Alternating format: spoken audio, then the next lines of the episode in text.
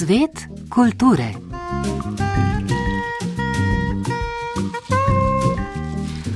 Lepo pozdravljeni, spoštovane poslušalke, cenjeni poslušalci. Danes v oddaji najprej predstavljamo novost na naših gledaliških odrih. Po premjeri na Mednarodnem gledališkem festivalu Bitev v Beogradu se bo predstava Krize v režiji Žiga Divjaka danes odvila tudi na odru Ljubljanske nove pošte.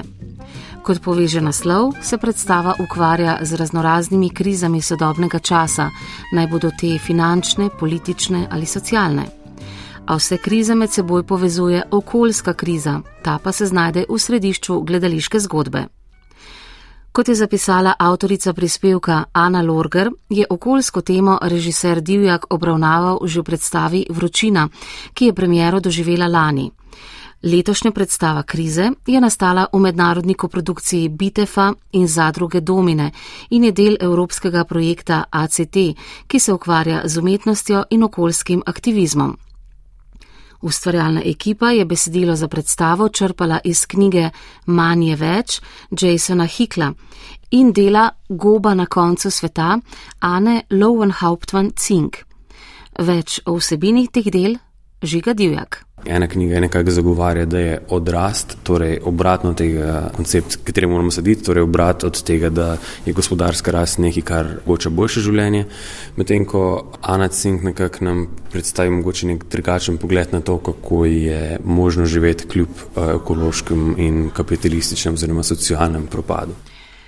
Čeprav se temi predstave vročina in krize močno povezujeta, bomo tokrat na odru nove pošte videli drugačen način uprizarjanja tega skupnega motiva.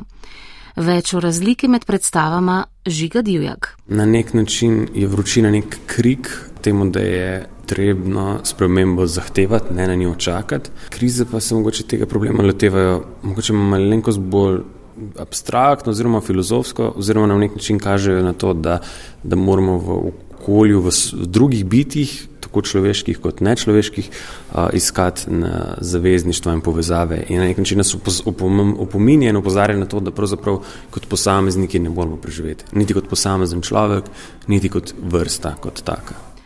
Predstava je v grobem razdeljena na dve plasti. Na besedilo, ki se predvaja po zvočnikih in čigar avtor je pripovedovalec Blaž Šef, ter na fizične akcije, ki jih izvajajo igravke in igravci v živo na odru. Na ta način je režiser simuliral estetiko dokumentarnega gledališča, kjer so slike obravnavane teme vedno pospremljene še z glasom pripovedovalca ali pripovedovalke. Več o vlogi glasu v predstavi pove igralec Blaž Šef. V bistvu sem raziskoval sociopolitične dinamike med eh, angliškim in slovenskim jezikom, zato je to predstava, ki je očitno tudi namenjena neka mednarodna karijera. Mislim, tako se je začelo in tako kaže.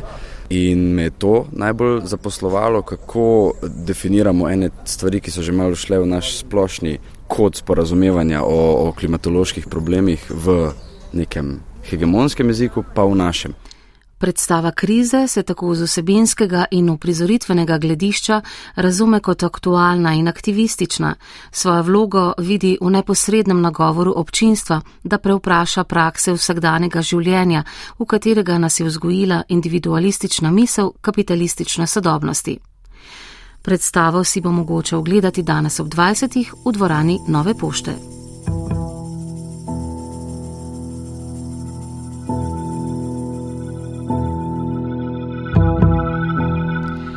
V Portorožu se nadaljuje festival slovenskega filma. Za nagrade se na festivalu v posebni tekmovalni sekciji potegujejo tudi kratki filmi, med njimi igrani, eksperimentalni, dokumentarni in animirani filmi. Petra Meterc se je pogovarjala z ustvarjalcema dveh animiranih filmov: Lejo Vučko, režiserko Legende o Zlatorogu in Andrejem Kamnikom, ki je sorežiral animacijo Alma, neuklonljiva ženska. Včeraj popovdne sta bila v Portorožu na sporedu dva kratka animirana filma. Lea Vučko, avtorica animirane filmske pripovedi Legenda o Zlatorogu, pravi, da jo je legenda, saj prihaja iz Bohinja, navdihovala že v mladosti. Čeprav je bila sprva animacija zamišljena kot študijski izdelek, je kmalo prerasla v večji projekt. Več o predprodukciji in procesu animacije Vučko. Eno leto je bilo same neke te čiste predprodukcije, animatika in izrisovanja skulpturisa. Potem so pa začeli nastajati ozadja, in v bistvu linijska animacija, in na koncu se je za vsako sličico pobarvala. Je pa to preko 10.000 sličic. Zanimalo nas je tudi, čemu so botrovale odločitve za barvno paleto. Čeprav se legenda o Zlatorogu dogaja v naravi, je animacija namreč zapolnjena z rdečimi, modrimi in vijoličnimi odtenki. Ta legenda v bistvu govori o nekem času, ko je ta nadnaravni svet vse okoli nas nekako pronicalo v neko vsakdanje življenje. In v bistvu te odtenki rdeče in modre, vijolične so v bistvu nekako prikaz teh ultramodrih in um, infrardečih svetlob, ki so v bistvu vse okrog nas, ampak jih mi ne vidimo. In nekako tako sem v bistvu si predstavljala tudi ta surrealni svet.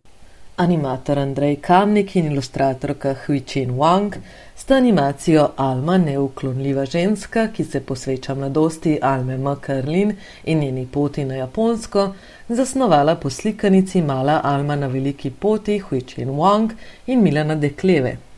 Več o animaciji, ki je nastala v pičlem enem letu, Andrej Kamnik. Chen je slikala, jaz sem animiral, oba skupaj v sinergiji seveda režirala. Tehnika pa je v bistvu nekakšna simbioza. Pravi, gre za sicer digitalno kolažno tehniko. Hujčin je slikala v tradicionalni kitajski tehniki akvarela. In seveda ta eh, kolažna tehnika, ki mogoče tudi malo spominja na senčne lutke, ki jih imajo tudi in jih poznajo tudi na kitajskem, kombinirala pač v, v eno tako izrazno možnost. 19 filmskih izdelkov iz kategorije tekmovalnih kratkih filmov bo na festivalu slovenskega filma ocenjevala strokovna žirija, ki jo sestavljajo režiserka in scenaristka Urša Menard, filmski ustvarjalec in programski direktor festivala FEK Mateuš Jerman ter Miloš Tomič, režiser in avtor animiranih filmov. Kateri od kratkih filmov bo prejel vesno, pa bomo izvedeli v nedeljo.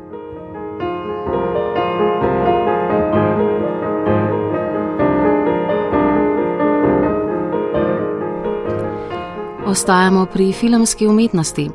Pred šestimi leti je domača satirična komedija Prhostar nepričakovano postala uspešnica. Osvojila je tri zlate role, štiri velike zlate role in postala sploh najbolj gledan celovečerni film v samostojni Sloveniji. Nocoj začenja svoj uradni pohod po slovenskih kinematografih nadaljevanje tega filma z naslovom Prhostar 2 promila. Scenarij za film sta tudi tokrat napisala Dejan Krupič in Goran Hrvačanin, igralska zasedba pa ostaja enaka z nekaj novimi liki. Kaj torej prinaša novi film, boste izvedeli v pogovoru Urbana Tarmana z režiserjem prvega in drugega dela, Luko Marčetičem. V prvem delu filma Prehostar se je zgodba vrtela okrog boja malega človeka proti pogotni oblasti z vrsto umestnih prigod. Zakaj pa gre v nadaljevanju prhostar 2 promila? V nadaljevanju gre za to uh, klasično slovenskost, ko se vsi kregajo zaradi nekega denarja in uh, po en zunanji uh, človek mora priti in vse to porihtati, ker se sami med seboj ne bojo nikoli, ker je preveč egota. Zakaj ste se odločili posneti nadaljevanje in kdaj je padla odločitev za to? E, mislim, da enkrat na začetku lanskega leta, se pravi 2021, e, je prišla ena ideja, da bi imeli nek božični special, se pravi nek televizijski dogodek v bistvu, ampak se je to razširilo v nekaj več in več. Se pravi, to je že hotel biti nek TV film, ampak na koncu je to izpadlo kinofilm in nekako organsko se je to uh, razvilo iz te prvotne ideje, da bi to bil nek božični special, ker bi se spet vsi dobili, malo pogovorili, pa tako, kot so to naredili, recimo, te Franci, prijatelji, pa princes Belera, pa tako, ampak je kar na koncu rado nov celovečerni film. V reklamnih opisih beremo, da bo tudi drugi del prinesel veliko smeha. Kako bi opredelili humor v tem filmu? Gre za niz vicev, kvant, tradicionalno situacijsko ali karakterno komiko, karikaturo? Uh, um, malo vsega pomalem. Uh, čeprav je bila bolj kot ne situacijska, v prvem je tukaj res nek upgrade pri, pri čisto vseh delih tega filma. Tako je igralsko zgodba, humor. Eni celo pravijo, da je že spremenjen nek žanr, da sploh ni to več to, kar je nekoč bilo, kar je bilo v prvem delu, zdaj je drug, čist drugačen, ampak to ne pomeni, da je na kakršen koli manj smešen ali pa slabši. Vem, samo drugačen. To, to ni nujno, da je slabo, ni nujno, da je dober.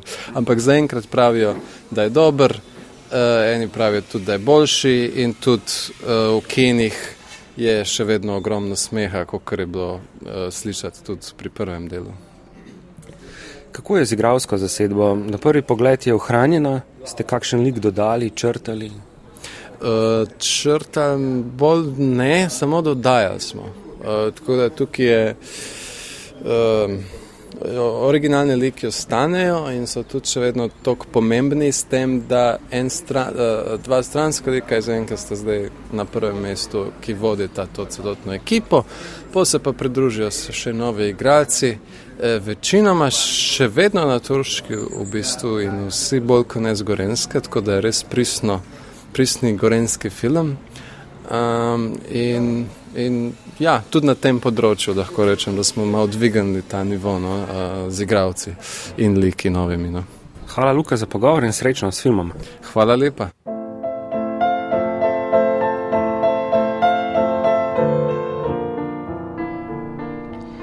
V Cankarvem domu v Ljubljani bo nocoj ob 20. premjera avtorskega projekta Odkot dekle si ti doma, igralke in glasbenice Leje Mihevc. Gre za uprizoritev razkola med javnim in intimnim, ki je prispodoba razmerja med tujino in domom. Igralka z glasom, telesom in znotraj različnih glasbenih žanrov raziskuje, kaj je njeno in kaj pripada drugim, kaj v igralskem in človeškem smislu pomeni biti in kdaj, če sploh, izgine potreba po pripadanju. Leja Mihevci je lani diplomirala iz dramske igre na Ljubljanski AGRFT, trenutno končuje magistrski študij gledališkega petja. Avtorski projekt je tako nastal v koprodukciji z AGRFT, dramaturg predstave je bil Nik Žnidaršič.